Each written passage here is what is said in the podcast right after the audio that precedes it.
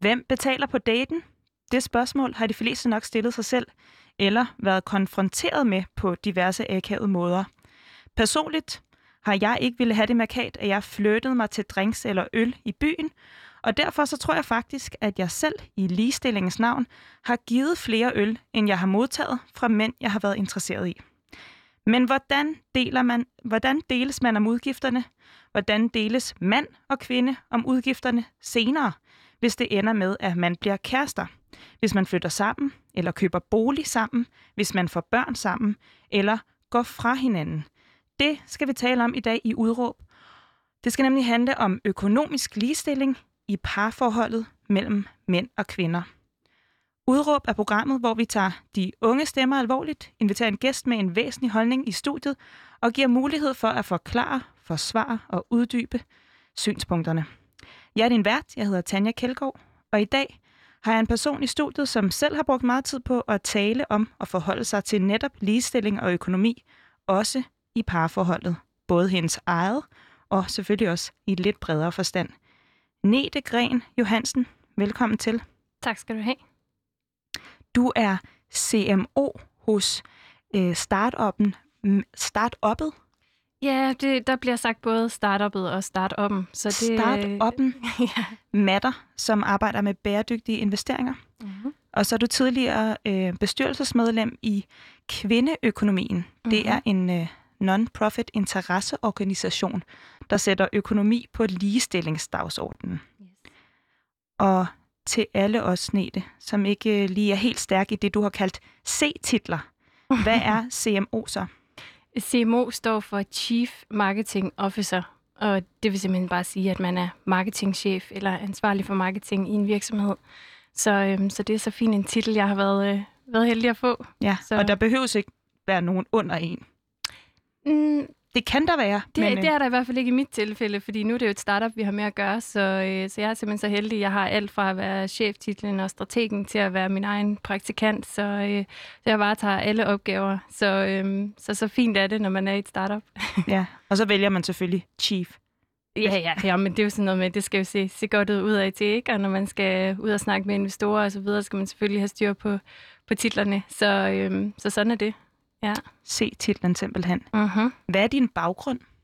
Min baggrund er uddannelsesmæssigt, der har jeg læst medievidenskab, og så har jeg læst en øh, uddannelse på Københavns Universitet, som hedder Cognition and Communication. Så jeg er en, faktisk en klassisk humanist, som er faret vild i, øh, i øh, hvad kan man sige, fin, den finansielle sektor øh, i et startup. Så, øh, men nu har jeg selvfølgelig også, øh, nu er det selvfølgelig også mig, der arbejder med marketing, så, så det, er jo, det er jo den vej ind, jeg ligesom er, er kommet ind med fokus på, på øh, kommunikation og marketing. Ja. Og dit udråb i dag, det handler nemlig ja. også om noget med det finansielle. Hvad mm-hmm. er mhm. dit udråb, Neda? Det er, at det, det skal være romantisk at tale om penge i parforholdet. Yes, ja. så bliver det ikke mere spændende. Nej, vel. Hvad mener du egentlig, når du siger det? Romantisk at snakke om penge i parforhold? Jamen altså, nu har jeg jo, som du selv siger, både sådan lidt en samfundsmæssig interesse i det, men også en personlig interesse, fordi at øh, jeg selv har fået øh, øjnene op for, hvor vigtigt det er, at vi kan tale om penge, både i samfundet øh, for kvinders skyld, fordi kvinder, som vi kommer ind på, er bagud i forhold til mænd, men også at vi i parforholdet får skabt skabe de bedste forudsætninger for vores forhold, men også øh, altså for os selv øhm, kan tale om det. Så, øhm, så jeg synes, det skal være... Vi, vi sætter det også lidt på spidsen i dag og siger, det skal være romantisk. Øh, og det er jo fordi, at øh, vi virkelig skal kunne sætte os ned og snakke om det, og, og have det godt med det, og, og virkelig få sådan et, et godt forhold til at tale om, om penge i vores forhold. Ja, jeg har taget et øh, sterinlys med, ja. og en øh, lysestage med, som jeg tænkte, vi kunne... Vi må nok ikke øh, tænde den her i studiet, men jeg tænker, at vi tager, den, vi tager det frem til sidst, hvor du har lovet at, at komme med nogle tips til, hvordan man kan gøre det i hvert fald lidt mere romantisk Præcis. at tage den her snak ja. i parforholdet om penge. Ja. Men hvordan synes du, det er nu at tale om, altså nu skal jeg ikke spørge præcis mm-hmm. til dig, men hvordan mm-hmm. tænker du, det er nu at tale om penge i parforholdet? Altså i mit eget, eller generelt? Nej, mere sådan, hvad altså, du jeg oplever. Tror, jeg tror, det er noget, folk har svært ved. Altså penge er jo bare generelt, kan være betændt for folk af forskellige årsager. Altså det kan være svært at kigge på. Det, Øh, penge er ofte også forbundet med skam og med overtræk på kontoen og med, med dårlig samvittighed, eller vi kan have noget med os fra vores forældre, som måske ikke, øh, hvad ved jeg, øh, ikke talte positivt om penge, så der, der er bare så meget, der kan være så mange følelser knyttet op på det at tale om penge, så derfor har rigtig mange svært ved at, at tage den her op. Øh, og vi kan også have en følelse, som vi to har snakket om, øh, at det ikke er romantisk at tale om penge, fordi, åh oh nej, så ødelægger vi jo romantikken. Ja. Øh, eller, åh, oh, det er ikke særlig sexet at tale om penge, men øh, der vil jeg jo så påstå, at det modsatte af, at det faktisk, hvis vi ikke får talt om det, kan være med til at ødelægge øh, noget af den tillid og, og det, som er godt for forholdet. Så, så, så det kan have lidt den modsatte effekt faktisk, hvis man, øh, hvis man lader være med at tale om det. Så vi skal fra tabu-snak til øh, romantisk samtale Præcis. om finanserne i dag. Yes. På en time. Ja. ja. Men øh, jeg tror egentlig, øh, inden vi sådan går rigtig i gang med at snakke om penge i parforholdet, så har jeg lyst til, at vi lige øh, kaster, kaster et blik sådan ud på den brede skala og ser, hvordan det står til med ligestilling og økonomi mellem mænd og kvinder. Uha, ja. ja. Hvad mener du med det? Uha, Ja, men, ja. jamen, det ser jo ikke så pænt ud. Nej. Så, Er det, øh, er det noget bestemt område, du tænker på? Jamen, det er jo sådan set faktisk alle områder, når det kommer til økonomi. Der er kvinder jo desværre stadigvæk bagud, selvom vi er i 2021, og selv også i Danmark, som er et forgangsland på mange punkter. Så, øh, så desværre så er der stadigvæk en stor opgave foran os. Ja, og øhm, altså... Jeg, jeg kunne godt tænke mig, at vi i hvert fald lige runder nogle punkter, mm. Mm-hmm. inden vi går dybere ned i parforholdssnakken. Mm-hmm. Øh, løn, Ja. pension og bolig, Mm-hmm. barsel. Ja. Er du frisk på, at vi lige prøver at tage dem sådan lidt? Selvfølgelig.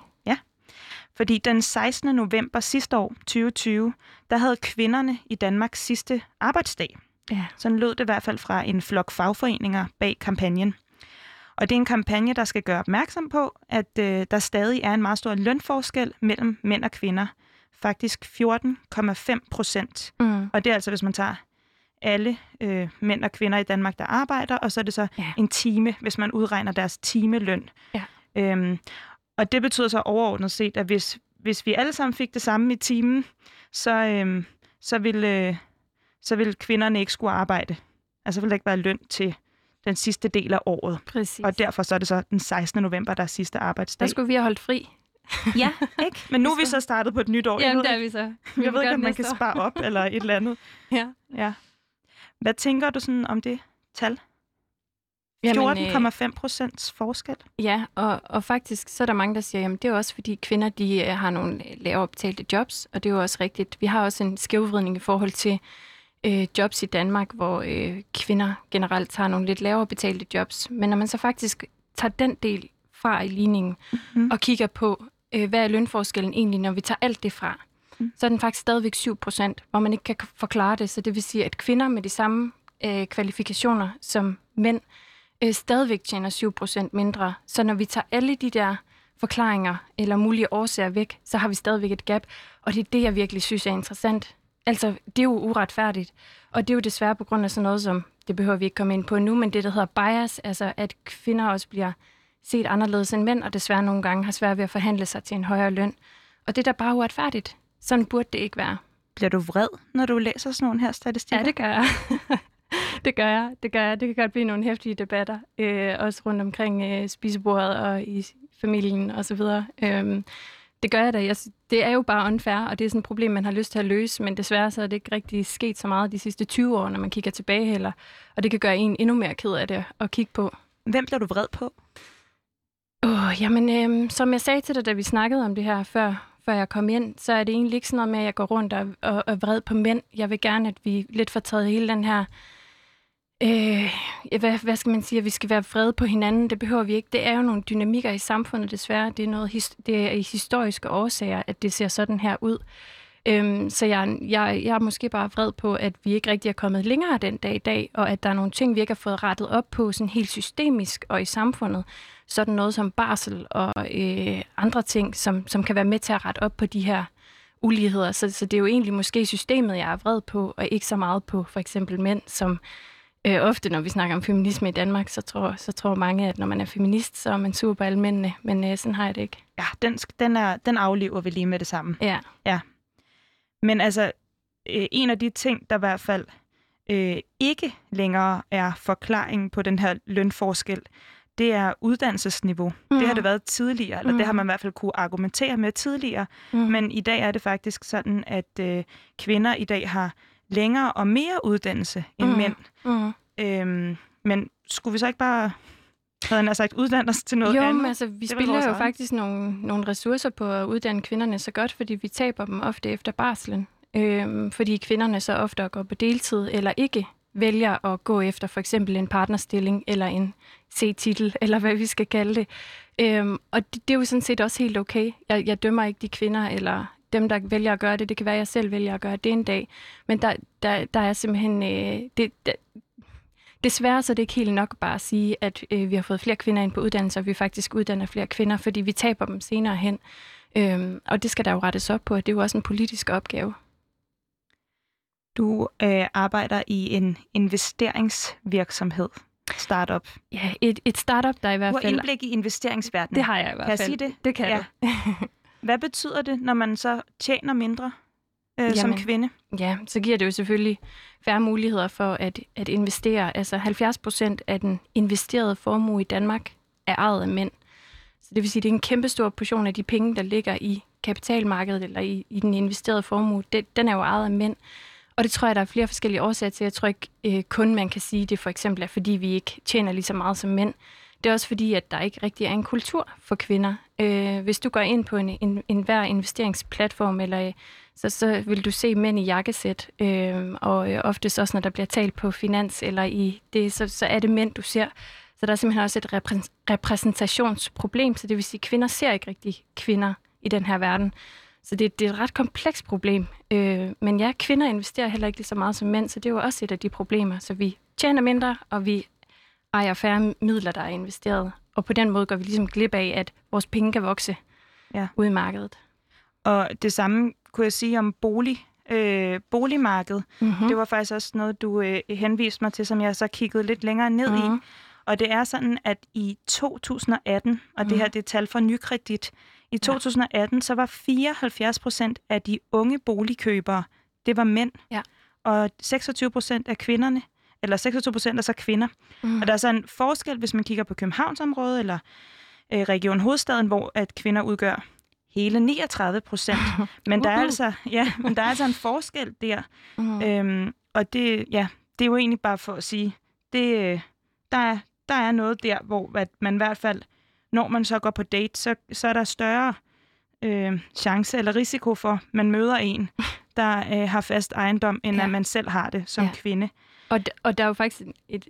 Hvorfor, og hvorfor er det her så et problem? Det er det, fordi at, øh, at boligejere i det lange løb har, altså, har en otte gange større formue end dem, der bor til leje i deres, altså generelt. Så, så generelt så er det jo bare, når man køber bolig, jo tidligere, jo bedre, øh, så har man jo mulighed for ligesom at, at vækste, fordi så stiger den bolig i værdi, og det giver en muligheder senere hen. Så jo senere man kommer ind på boligmarkedet, jamen jo sværere bliver det jo øh, ja. at få de her værdistigninger med. Så det er et kæmpe problem for ligestilling også. Altså bonus, bonusinfo. Nu øh, har jeg lige sat øh, solgt min andelslejlighed, og jeg har haft den i fem år. Den er steget her i København. Ja, mm. Den er steget med 200.000 på fem mm. år. Så det er jo en chat, jeg tager med mig videre. Mm. Øh, bare, bare på at sidde og hygge mig. Præcis. Eller hvad jeg nu har lavet. Ja, i stedet for at kaste penge ud på at betale husleje. Ja, præcis. Ud af vinduet, ja. Øhm, og på samme måde, så kan man også sige, at hvis man går ned i banken, øh, det har jeg også lige været, mm-hmm. øhm, så er der sådan en logik, der i hvert fald hersker lige nu hos bankerne, at man kan låne fire gange ens mm. årsindtægt. Mm-hmm. Øh, og det, der kan man jo se, at øh, der kan man købe for mindre, mm. hvis man vil ud og investere i en bolig, mm. hvis man har en lavere indtægt end for eksempel Netop. en mandlig partner. Ja. Ja. ja. ja, hvis man ikke har noget med sig, ligesom du nu har, for eksempel. Præcis, ja. ja. Jeg er et godt kort lige for tiden. Øhm, hvordan har du det med de her uligheder på samfundsplan? Altså den økonomiske uligevægt mellem mænd og kvinder? Hvordan jeg har det med det? Jamen, det har jeg det jo ikke godt med. Altså, det er også derfor, jeg har været en del af kvindeøkonomien, og generelt stadigvæk øh, synes, at, at der skal gøres noget ved det. Øh, jeg, jeg... Men hvorfor er det vigtigt for dig at gøre noget ved det sådan på samfundsplan? Kan du ikke bare fikse det i dit eget forhold? Kender du ikke, der er, der er nogle gange et eller andet, der bare rammer en, og det gjorde det, dengang jeg fik øjnene op for det her. Fordi jeg har faktisk selv øh, ikke været super tjekket med mine penge i starten af mine 20'ere, og øh, skulle bruge noget tid på at finde ud af det. Og, og da jeg så øh, startede i, i, det, i, mit, i mit nuværende job, så begyndte jeg at få øjnene op for, vi startede med at arbejde med pension, og der fik jeg jo kigget på de her uligheder, og det der, det rammer bare. Og jeg ved ikke, nogle gange så er det jo bare sådan, at man bliver ramt af et eller andet, og, og det her, det, det var virkelig sådan en wake-up call for mig, der sagde, okay, jeg vidste ikke, at det stod så skidt til. Fordi vi, vi går også lidt rundt øh, med snuden i sporet i Danmark, og, og tror, at vi er, er super meget foran, og vi, altså, vi er det bedste land i verden. Øh, men der er så stadigvæk nogle, nogle problemer, som vi, vi ikke har fikset. Og øh, så, så, så det rammer mig, altså, og det rammer mig jo også personligt, fordi at jeg som kvinde bliver ramt. Øh, nu er jeg også gravid og skal have en datter, så Tillykke. det kommer også til at ramme hende. Så der er jo nogle, altså nogle personlige motivationer for at få løst det her problem på samfundsplan, også for mig i hvert fald. Så det har vækket en ild i mig, og hvorfor det lige præcis var det her område, det kunne også være alt muligt andet, men nu var det bare, ja, det. Skal lige sige, at du lytter til holdningsprogrammet Udråb, hvis du først har tændt nu, hvor vi i dag har en gæst med en meget interessant holdning i studiet. Det er Nete Gren Johansen, og hun er her med udråbet, det skal være romantisk at tale om penge i parforholdet. Og nu har vi været igennem de her overordnede økonomiske uligheder mellem mænd og kvinder. Så nu vil jeg egentlig rigtig gerne høre lidt mere om dine egne erfaringer Mm-hmm. i dit eget parforhold, og hvordan du og I har taklet og fortsat takler den her økonomiske ulighed, der i hvert fald er på samfundsplan. Mm-hmm. Øh, mener du, at den samfundsmæssige ulighed skal løses i parforholdet? Mm, det er i hvert fald et godt sted at starte, fordi vi kan ikke, øh, jeg kan ikke gå ud og, og fikse i morgen, at øh, kvinder får lige meget i løn og øh, får sparet nok op til pension. Så det er bare et rigtig godt sted at starte, det er i sit parforhold, og det opfordrer jeg alle til. Jeg kender og prædiker hister her, øh, om at, at starte med sig selv. Fordi man kan selvfølgelig ikke gå ud og ændre hele verden. Øh, så så øh, nej, vi kan ikke øh, ændre det hele, men hvis vi alle sammen var mere ops på at få, få rettet op på nogle af de uligheder, der måtte være, eller bare fortalt om økonomi bedre, øhm, så, øhm, så kan vi i hvert fald starte der. Og hvis du lige skal sådan riste din egen situation op sådan for lytteren, så har du Ja. en kæreste, Ja. som du bor sammen med. Ja. Hvordan Jamen, øh, ja, jeg har en kæreste. Vi bor sammen i hans andelslejlighed, hvor jeg flyttede ind for to år siden. Han købte den for 5-6 år siden, tror jeg. Øhm, og øh, ja, vi skal have et barn sammen her til april, øhm, så vi skal også være forældre. Der er jo også noget økonomi i det. Øhm, og øh, situationen er nu den, at vi har besluttet, at jeg skal købe mig ind i lejligheden. Øhm, og øh, der har der selvfølgelig også været nogle, nogle snakke omkring, hvordan skulle vi gribe den an, og hvordan skulle vi strikke det sammen. Øhm, Men du startede med at flytte ind. uh-huh. Så blev han ligesom øh, udlejer, eller Ja. hvad hedder det? Ja. ja. Hvordan øh, var det bare sådan, Altså, det var bare det, der gav mest mening. et eller andet beløb, eller sad I med lommeregneren og sagde, Det var faktisk vel opregneren frem. Altså, vi kan faktisk spole helt tilbage til, da vi mødte hinanden, fordi der... hvem Når betalte man- daten? Ja, præcis som du lægger ud med at sige på daten, hvem betaler for kaffen og så videre. Selvfølgelig var det ikke noget, vi talte så meget om de første par måneder. Men efter noget tid, når man begynder at date hinanden og se hinanden mere seriøst, så øh, kommer der jo nogle udgifter i forbindelse med ens samvær, hvor man går ud og spiser fint, eller man går i biografen, og øh, hvem skal så tage den? Og hvordan splitter man det her? Og allerede der, der, øh, der begyndte min kæreste at være god til sådan at sige, hey, hvordan gør vi lige det her? Og der kan jeg huske, jeg havde sådan modstand på, der var sådan et, puha, nu det er alt for tidligt, og det er slet ikke romantisk. Altså den helt klassiske, det, det der, det, det kan vi ikke bare tage det, som det kommer. Øhm, men, Hvad synes du, der var romantisk dengang? Jamen, jeg synes, det var romantisk. Jeg ved ikke, om jeg Var synes, det, det var han rom- betalte? Eller? Nej, det var mere sådan, at en tillid til, at vi egentlig bare godt kunne finde ud af det sådan sway, sway hen ad vejen, at øh, du giver den her gang, så giver jeg næste gang. Og jeg, og jeg tror også, vi gav os begge to, så, så jeg er bestemt af samme holdning. Det skal ikke være sådan, at man åbner døren for en, eller øh, hvad hedder det, betaler, når man er ude. Men øh, jeg tror bare ikke, jeg var helt klar til at tale om det. Men øh, han er en privat økonomi-nørd, så det var vigtigt for ham at få styr på det. Og det måtte jeg jo respektere. Og det er jeg virkelig, virkelig glad for, at han sådan opfordrede os til at få styr på ret tidligt, fordi det begyndte jo så at skabe, øh, hvad kan man sige, en kultur i vores forhold, hvor vi kunne snakke om de her ting. Og det var rigtig godt at starte tidligt med, hvordan splitter vi lige udgifterne? Fordi så er det måske blevet lidt nemmere at snakke om de store ting senere hen. Men hvordan, altså, var det sådan, at du ligesom tænkte, åh nej, nu vil han snakke om økonomi, så tror han, vi er kærester?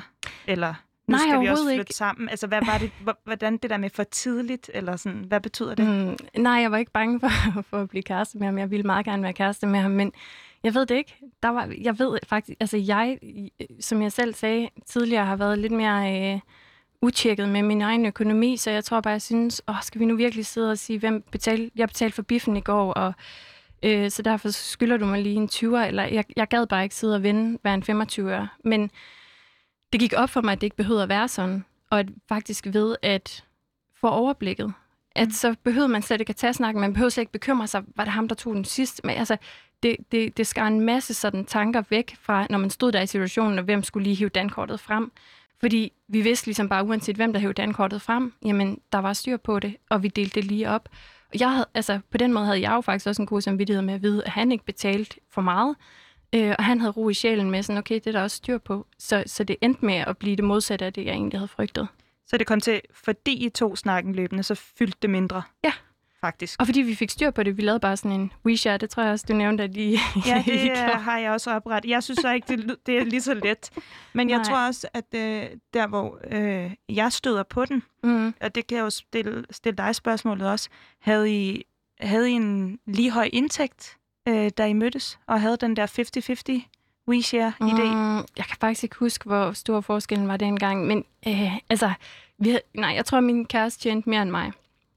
Men på det tidspunkt var vi ikke helt nede i, i lommeregneren med, hvem der tjente mest, altså tjente mindre. Det kunne man godt gøre, mm. men det gjorde vi ikke på det tidspunkt. Det gjorde vi så senere, da jeg Det er skulle måske også ind. lidt tidlig første date. Ja, det var sådan lige, Den der øh, hvis kaffe, vi skal lave en eller anden split 57% af. procentmæssigt. Med, ja, præcis. Ja. Så, så det gjorde vi først senere, og det synes jeg er helt fint. Altså, det er jo også at gå helt nitty-gritty i detaljerne. Men det gjorde vi så, da jeg flyttede ind, Mm. øh, og kiggede på, hvor meget jeg skulle betale i husleje. Der satte vi os faktisk ned og lavede et regnestykke på, mm, når jeg så betaler husleje til hans øh, bolig, at Mm. jeg skulle sikre mig, at jeg ikke betaler på hans lån, for eksempel. Det er jo sådan noget, man kan overveje, at man ikke bare skal betale halvdelen af de udgifter, som øh, ens kæreste har, om det så er en mand eller en kvinde.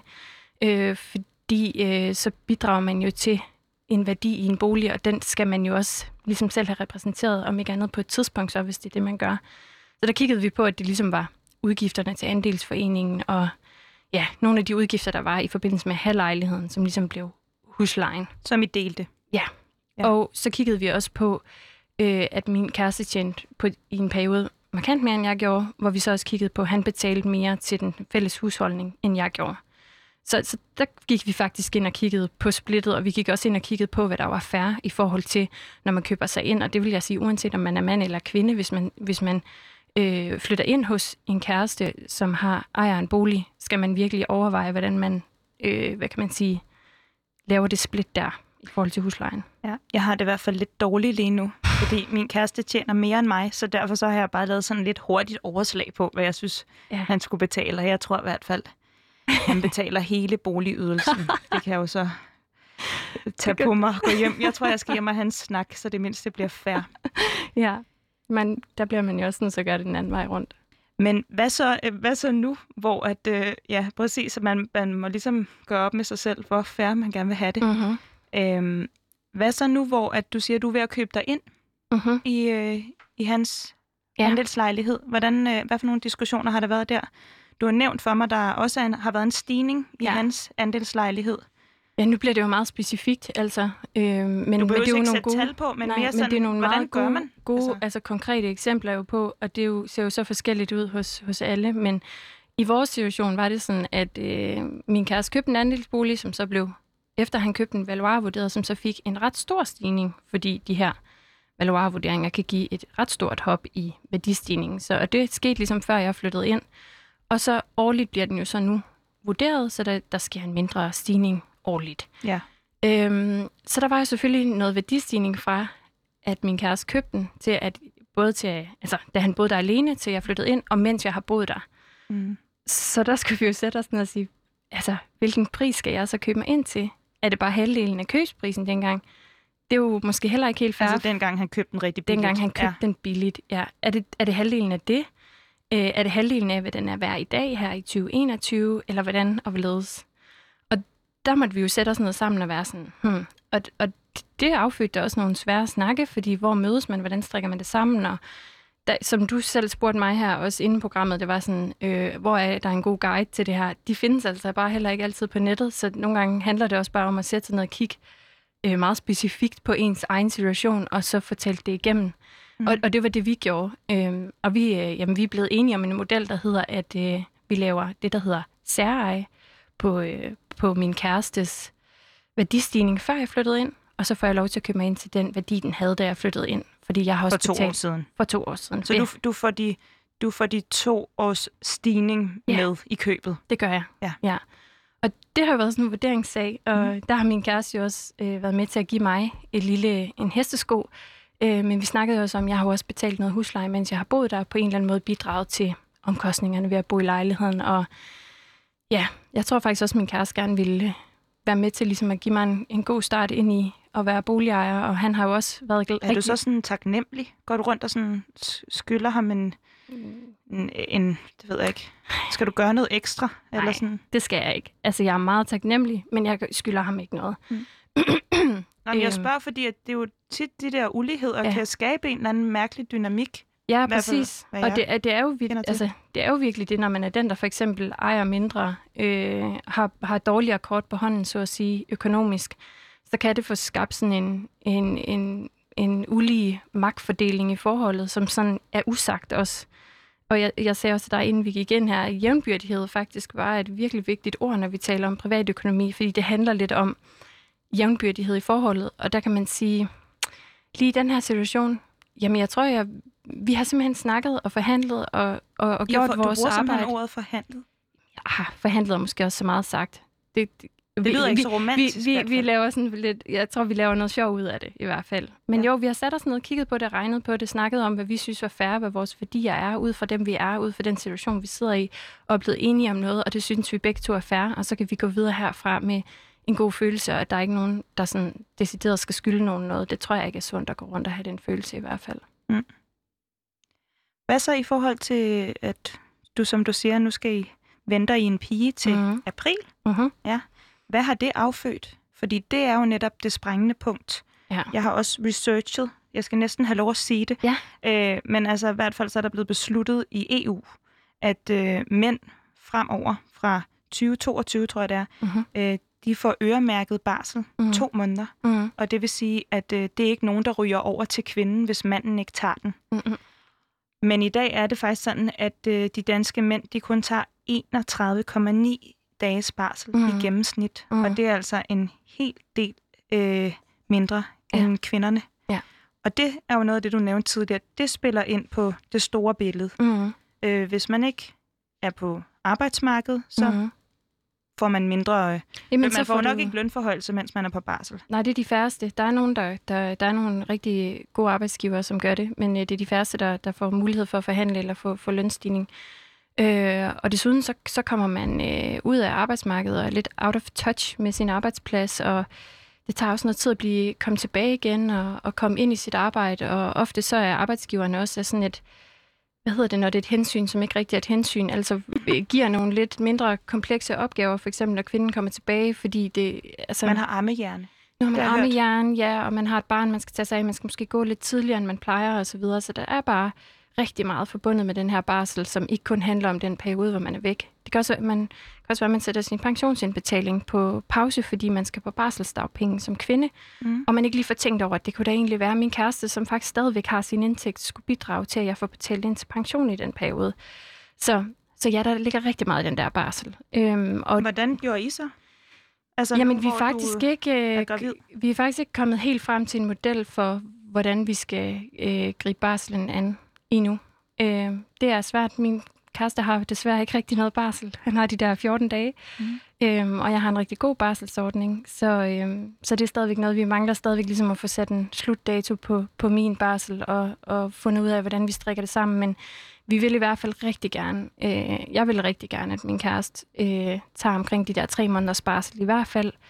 Også fordi alt viser, at det er godt for barnet, det er godt for ham, det er godt for alle. Det er også godt for, øh, at faren tager flere øh, sygedage med barnet efterfølgende, øh, hvis faren har taget en større del af barslen osv. Så, så, så minimum de tre måneder vil jeg virkelig, virkelig gerne have. Om vi så skal betale det ud af egen lomme, og min kæreste går på overlov, så må, vi, så må det være sådan, der.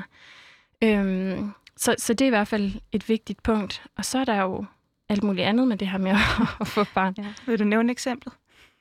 Hvad er I blevet enige om i forbindelse med noget, der før lå hos, altså, hos hver af jer? Jamen, der, der, der, der kommer sådan noget sjovt op, som når man er gravid, så bliver man jo tykkere og tykkere, og man har behov for at købe noget mere tøj. Øh, så der har jo også været øh, det her med, at jeg har jo sagt, at det, det, det, det skal vi splitte 50-50, når jeg, og det har, jeg, det har jeg også synes var lidt underligt, at min kæreste lige pludselig skulle bidrage til øh, mit tøjindkøb, eller sådan betale 50 procent, men, øh, men jeg synes, det er fair, at øh, han også Altså, hvad er det, sådan nogle, de der strømpebukser, eller Fuldstændig. Man kan... bukser med elastik og sådan noget. med elastik, ja. store strømpebukser, you name it. Noget, man kan være i, mens man, mens man er, er tyk og ligesom øh, ja, har barnet, eller ja, er gravid. Så, øh, så der har han bidraget, og, uden, altså, og, og, og er rigtig glad for. Så har vi lavet en fælles opsparing også, hvor vi indbetaler det samme hver måned. Og, øh, til det kommende barn? Ja, til alle de udgifter, der er til med at købe en barnevogn og alt, hvad der kommer. Så vi også går 50-50, for jeg hører faktisk, at sådan, ja, når jeg snakker med veninder, når jeg er ude og øh, der arbejder i kvindeøkonomien, også, der, der hører jeg bare historier om, at det er jo bare ofte kvinden, der sidder og kigger på den barnevogn, får klikket barnevognen hjem, får købt alle de her babyting, får købt babytøj. Mm. Allerede der bruger hun mental kapacitet på noget, som det kunne lige så godt også være manden. Det kan jeg godt blive lidt irriteret over, men ja. sådan er det bare lidt. Det er kvinden. Men, og ofte, så er det faktisk også ud af kvindens egen pengepunkt, fordi, hvad ved jeg? Jeg ved ikke hvorfor, men der er simpelthen mange kvinder, der siger, jamen, det betaler de egentlig. De tænker ikke så meget over, at det skal gå ud af budgetkontoen eller af fælleskontoen, hvilket altså for mig at se, skal det bare være 100% 50-50, fordi vi får begge to det barn. Ja. Ja. Altså, øh, apropos, så læste jeg også op på det der med øh, husarbejde. Ja. Nu, nu opgør man ikke længere, hvor mange husmødre, der findes i, øh, i Danmark. Det tror jeg, man sluttede med i 80'erne. Ja. Men øh, som flere pointerer, så forsvinder arbejdet derhjemme ikke. Og jeg ved ikke, om man kan kategorisere sådan noget der med at, at klikke og købe øh, babytøj og, og barnevogne som husarbejde. Men i hvert fald så, så siger man, at kvinder i gennemsnit bruger en time mere mm. om dagen mm. på husarbejde. Mm.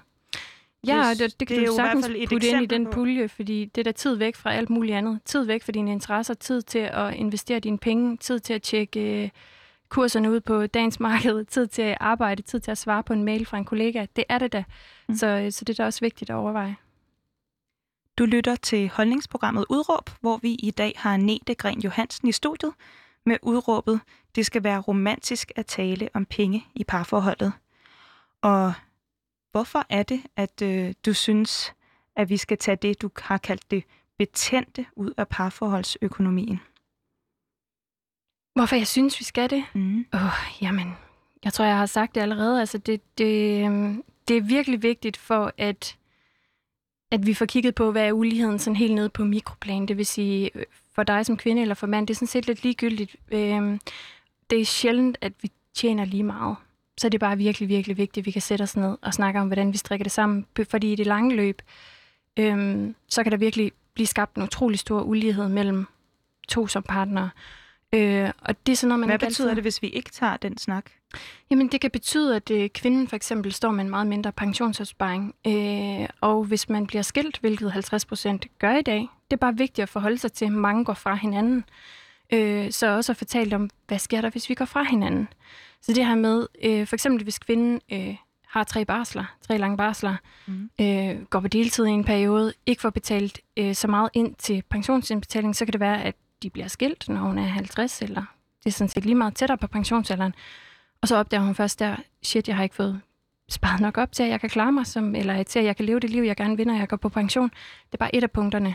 Øhm, det kan jo også være, at det er manden, der har stået for øh, øh, boliglånet og strikket det sammen, og det kan være, at der er blevet truffet nogle beslutninger der omkring renter og lån, og hvordan det er sat sammen, som kvinden måske ikke har involveret sig nok i, eller ikke har været involveret i, som også har nogle konsekvenser for hendes økonomi, som hun egentlig måske gerne ville have været, skulle være anderledes. Så der er så mange aspekter ved det her, der gør, at det er så vigtigt, øh, fordi øh, både hvis vi går fra hinanden eller ikke går fra hinanden, så har det konsekvenser for os i det lange løb.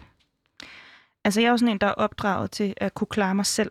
Nu øh, har jeg heller ikke nogen brødre, så jeg ved ikke, hvordan, øh, hvordan de ville være op, opdraget, om der havde været en forskel.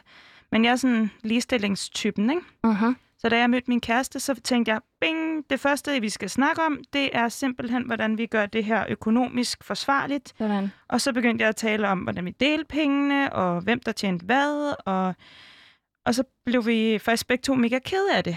Og det gjorde vi, fordi mm. at jeg prøvede at tale om, hvordan vi skulle gøre det fair, når vi en dag skulle skilles. Mm. Øh, hvem havde hvor mange penge, og hvordan så, og hvordan hvis nu vi gjorde noget sammen, som jeg så ikke havde råd til. Nogle af de ting, mm. du, øh, du siger nu, hvis man nu havde købt noget, man ikke havde råd til at blive boende i, når man gik fra hinanden. Mm. Det er ikke sikkert, at man gad blive boende der begge to, men altså, men noget tilsvarende i hvert fald, ikke? Mm. Og så, øh, og så måtte vi simpelthen droppe samtalen, i hvert fald for en stund, fordi at ja. øh, han blev rigtig ked af det også, og han sagde noget, som jeg ikke rigtig helt vidste, hvordan jeg skulle takle. Han sagde, men Tanja, vi er jo, vi er jo næsten lige mødt hinanden. Skal vi ikke mm. lave nogle drømme sammen? Skal vi ikke snakke om, hvordan det bliver fedt, hvad vi gerne vil bruge vores penge på, i stedet for at snakke om, hvordan vi bliver skilt på en ja. færre måde? det synes jeg er sådan lidt nedslående, at vi allerede er der. Så er det ikke bare, når man... Øh, altså, er det ikke kun vigtigt at have den her snak, hvis man tror, man en dag bliver skilt? Altså, Nej, altså jeg tror jo, ikke, jeg men... håber jo på, at vi skal være sammen for evigt, ja. mig og min kæreste, så jeg synes da bare, vi udskyder den lidt. Ja, og, man, og det er jo det er spot on. Det, det er faktisk bare reverse i, i vores forhold, hvor øh, det var det samme, min kæreste sagde. Hvis vi går fra hinanden, øh, så skal vi jo være sikre på XYZ. Og, øh, og der var jeg jo også sådan lidt, altså, jeg synes også, det, jeg havde præcis den samme reaktion som din kæreste, og det er jo så forståeligt, og jeg tror, de fleste der, der er ikke ret mange, der bare synes, det er helt vildt cool at sætte sig ned og snakke om den dag, man går fra hinanden. Så jeg forstår godt, det vækker de følelser. Men mm. det er sindssygt vigtigt, at vi gør det. Og som vi to også talte om tidligere, så er det, så vil jeg faktisk sige, at det er en kærlig gerning at sætte sig ned og snakke om, hvis nu vi går fra hinanden. Fordi hvis man først tager snakken, når man er ved at gå fra hinanden, der er man ofte uvenner, eller der har man rigtig mange trælse følelser i klemme, hvor det gør det rigtig svært at få lavet en god ordning.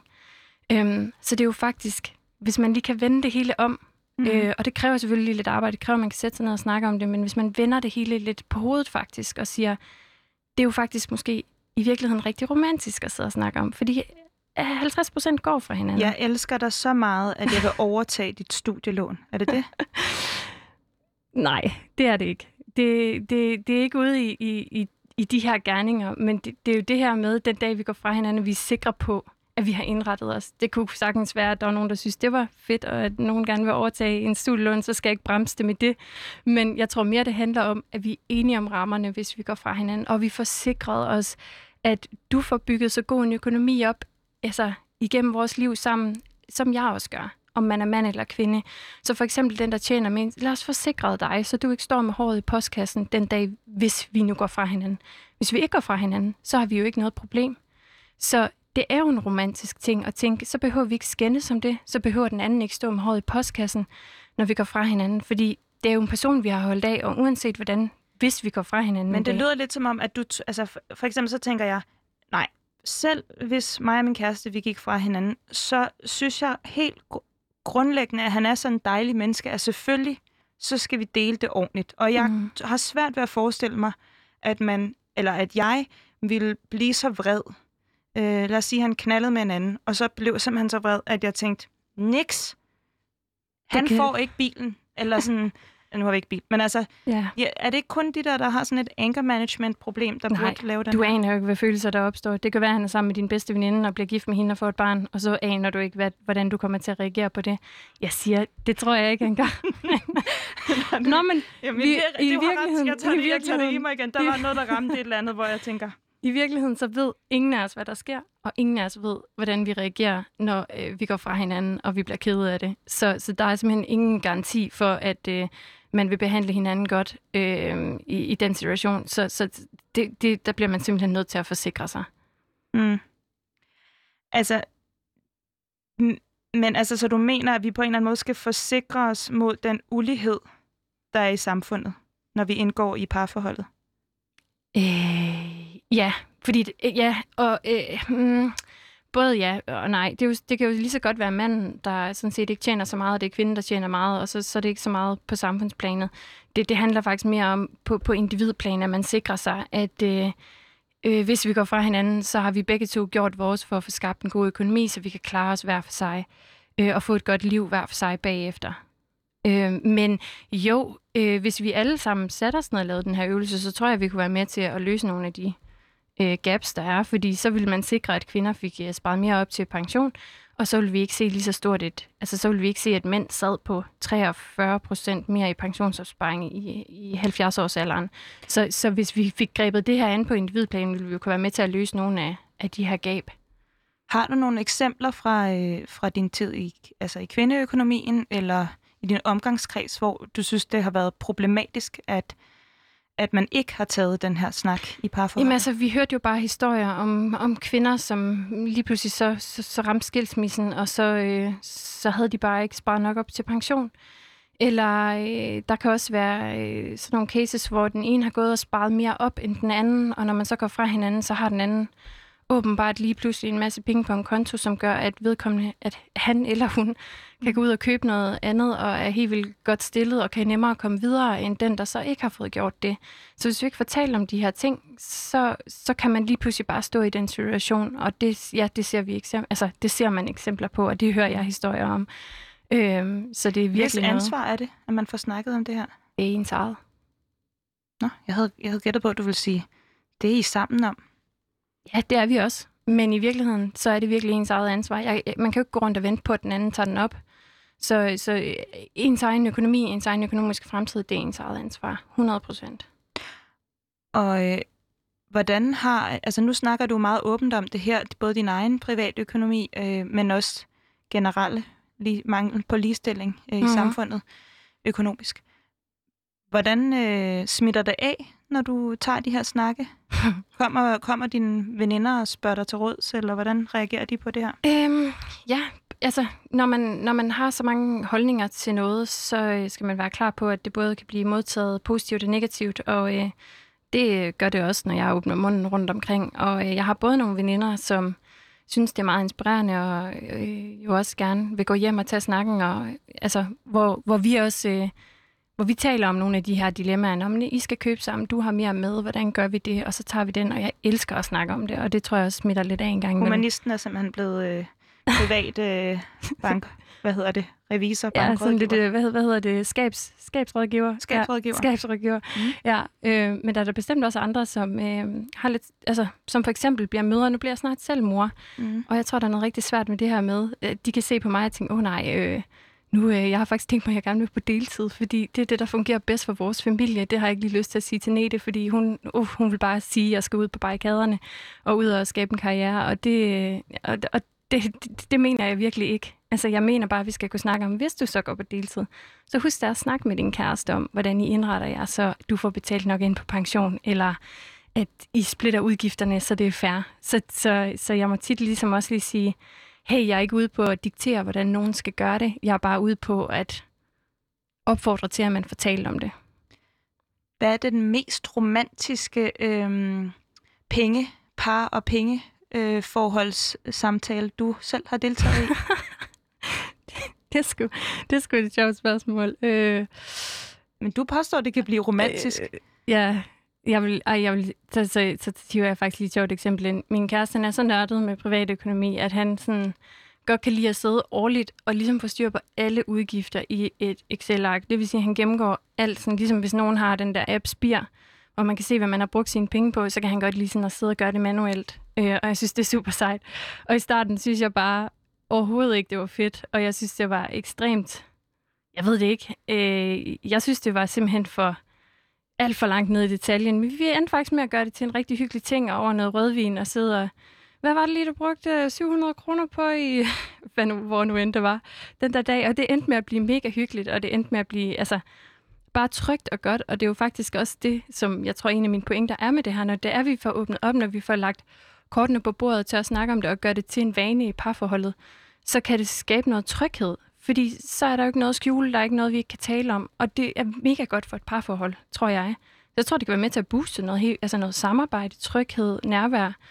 Så øh. den der, øh, den der års opgørelse, hvor I bare sidder og tænker, ej, vi er sådan nogen, der køber meget ind i ja. på nettet, eller sådan. Det ja, blev vi har bare, brugt lidt for mange penge på mad. Ja. ja, men det var, det, det, altså, så der har været mange gode, men, men det der, det, det, og det var, altså grund til, at vi lavede den øvelse, var, fordi vi skulle finde ud af, hvor meget vi havde i rådighedsbeløb i, i forhold til det her med at købe bolig, så det var faktisk en øvelse i forhold til at finde ud af, hvad kan vi købe for, kan vi købe et sommerhus øh, om et par år, hvis vi har lyst, og så videre. Så det var en, også en del af et større, altså af de store drømme faktisk, så det, det, det var ligesom et mål, eller et middel for at komme hen til et mål, øhm, i forhold til at, at kunne snakke om alle de der drømme, som din kæreste også snakker om. Skal vi ikke drømme sammen? Jo, men man skal jo også Vi skal have også pengene kunne blive med. skilt. Ja. Ja, vi skal også kunne blive skilt, men vi skal også kunne realisere de drømme, vi har sammen. Og det er jo Hvad er du så blevet mest ked af? Altså, har du sådan en konkret Mm. ting, hvor du bare, det gik op for dig, hold nu kæft, vi er ikke enige her.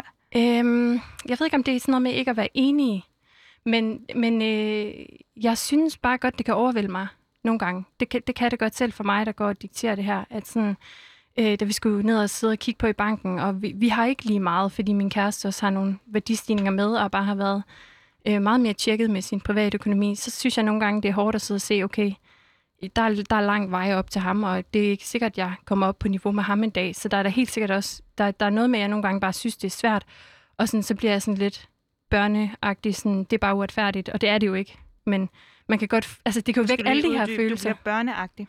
Nå, men sådan, følelsen af, at det er uretfærdigt, at vi ikke har lige mange penge, for eksempel. Mm. Men det er det jo ikke, fordi det er jo, sådan, det er jo, det er jo bare, som vi har indrettet os. Det har man jo sit eget ansvar for.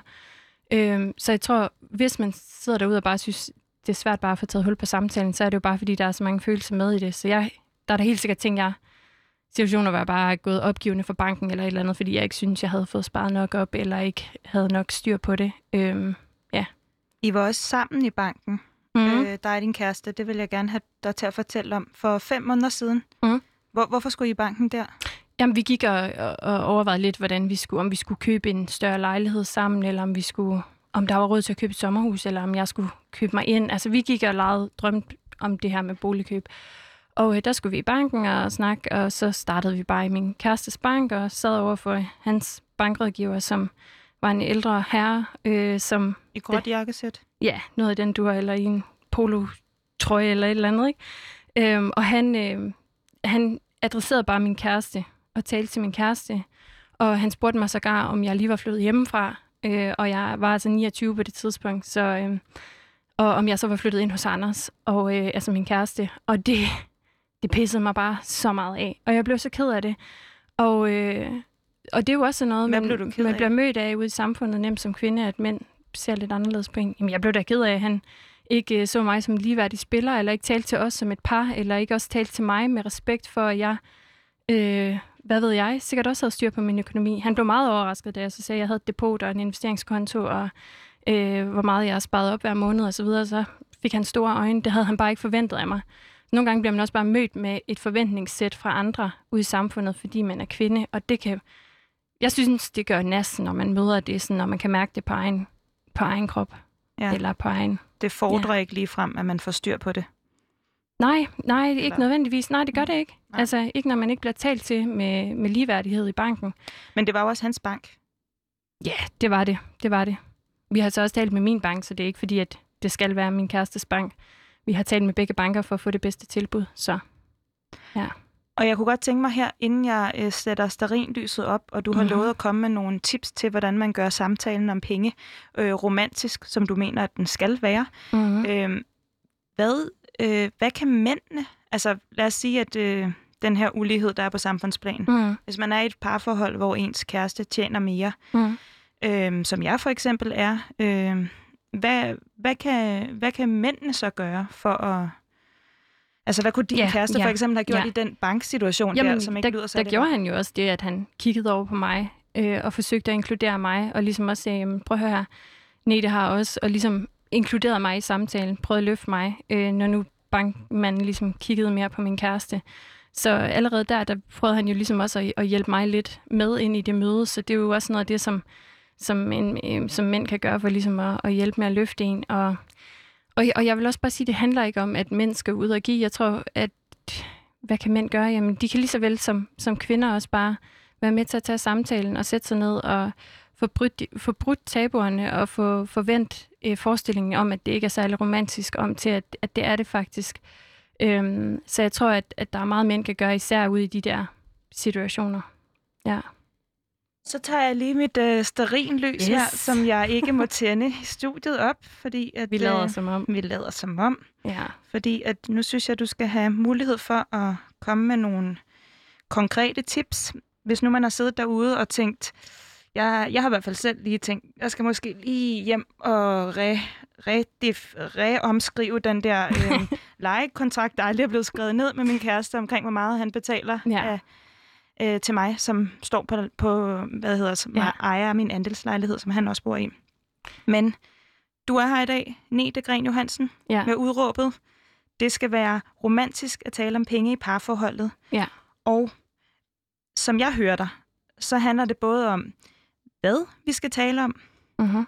og hvordan vi taler om det, men også hvor ofte. Mm. Altså, det er ikke sådan en, man bare lige, så har vi, Nej, huha, hvis ikke man har vane for det i hvert fald. Altså, så, så hvis man skal tage hul på den, skal man jo gøre det med respekt for den anden.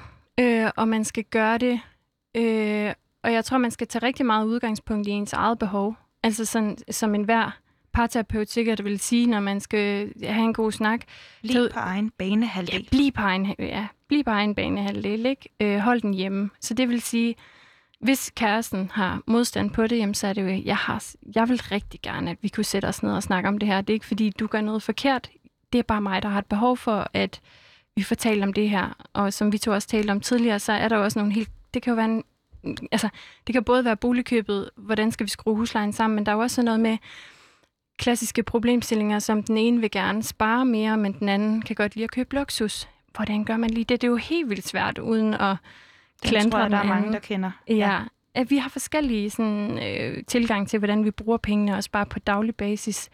Øhm, så simpelthen sætte sig ned og sige, det er, simpelthen, det er bare mig, der rigtig gerne vil, og jeg øh, håber, at vi kan sætte os ned, og jeg vil virkelig helst ikke, altså det er ikke fordi, du gør noget forkert, men, men jeg har et behov her. Og der må man jo håbe på, at den anden respekterer det, og så kan sætte sig ned. Og det kan jo godt være, at den ikke lige lykkes de første gange, men, men så må man give det en chance mere. Så man indkalder til en uh, romantisk cash og candlelight dinner. Yes. Det er Og et så, godt øh, navn til det. ja. Jeg er stolt af ordspillet. Og så siger man, vi skal simpelthen snakke om penge i vores parforhold. Ja, hvis man tænker, at det er den bedste måde, ligesom at, det kommer jo nok lidt an på, hvilken partner man har. Det kan også være, at man bare er ude og gå en tur, og har, at det er den nemmeste måde at slynge det ud på. Øh, sådan i, så, men, men ja, sæt dig ned, hælde et godt glas vin op, det ville jeg gøre, hvis jeg ikke var gravid, og, eller en god kop kaffe, og så og fortælle om det. Hvis det føles for konfronterende, øh, så start lidt blødere, gå en tur sammen, tag den op, øh, hvor I ikke behøver at sætte jer og gennemgå kontierne en efter en, men, men bare langsomt begynde at få taget hul på snakken. Og, og hvad er det så, man sådan helt overordnet, hvis man nu er i sådan et fasttømret parforhold, eller man tænker, man skal blive sammen mm-hmm. længere tid. Hvad kan du så sige sådan, der er noget med, hvordan deler vi de fælles udgifter? Mm. Ja, altså... Øhm, nej, jeg synes ikke, der Er der er... check? Jeg Er synes, ikke, der er en check, jeg synes ikke, der er en checkliste, og jeg synes ikke, der er en opskrift. Vi to talte også om fællesøkonomi tidligere. Om, er det så fællesøkonomi, der er det bedste? Er det bare den, man skal gå til? Og nej, det synes jeg ikke. Jeg synes faktisk, det vigtigste er, at man kan sætte sig ned og snakke åbent om det, og finde ud af sammen, hvad fungerer bedst for os.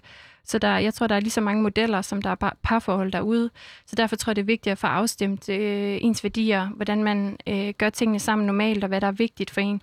Og så langsomt, og så få kigget på den situation, som man har. Så nej, øh, der er jo en masse greb, og, og man kan jo få hjælp også i banken. Altså, banken vil ikke nødvendigvis øh, øh, sørge for, at I bliver ligestillet i forholdet, så du skal jo selv ligesom have en idé om, hvad det er, du gerne vil. Men du kan jo godt få noget rådgivning i banken, for eksempel, eller af en advokat, hvis nu, at den anden kommer med en større formue. Øh, øh, så er der for eksempel det, der hedder særeje, hvor skal vi sørge for, at du ved, det er din formue, også hvis vi går fra hinanden. Så, så der er nogle bestemte ting, man kan få kigget på helt konkret, mm. men øh, det kræver lidt, øh, ja, jeg kan blive ved med at snakke om det her. Jamen, det har du også sagt. ja. Men kan man tage den her snak for tit? Mm, ja, det kan man måske nok godt, tror jeg. Altså, jeg tror, øh, i starten skal man ligesom få taget hul på den. Så bliver det nemmere at tale om penge i dagligdagen også. Øh, og sige, hov, nu skal vi lige have fyldt kontoen op. Og så behøver den jo ikke være så tung og så lang og så svær. Jo mere man snakker om det, jo nemmere bliver det. Øh, og, jo, og jo sjældnere tror jeg, man har behov for egentlig at sætte sig ned og tage snakken. Så kan det være sådan nogle mindre snakke i løbet af hverdagen. Det øh, blev de sidste tips, vi nåede her i Udråb i dag. Øhm, det skal være romantisk at tale om penge i parforholdet, lød det fra Nete Gren Johansen. Tak for dit udråb, Nete, og tak fordi, at øh, du vil være med. Selv tak. Og øh, til jer, der sidder derude og har fået nogle tanker omkring det her område, så, øh, så skal I bare tænke på det som sådan en stor kærlighedserklæring. Jeg vil gerne sikre mig, at du ikke går rundt med ondt i maven. I skal hjem og snakke sammen om det. Og øh, med det, så vil jeg sige tusind tak, fordi du lyttede med i Udråb.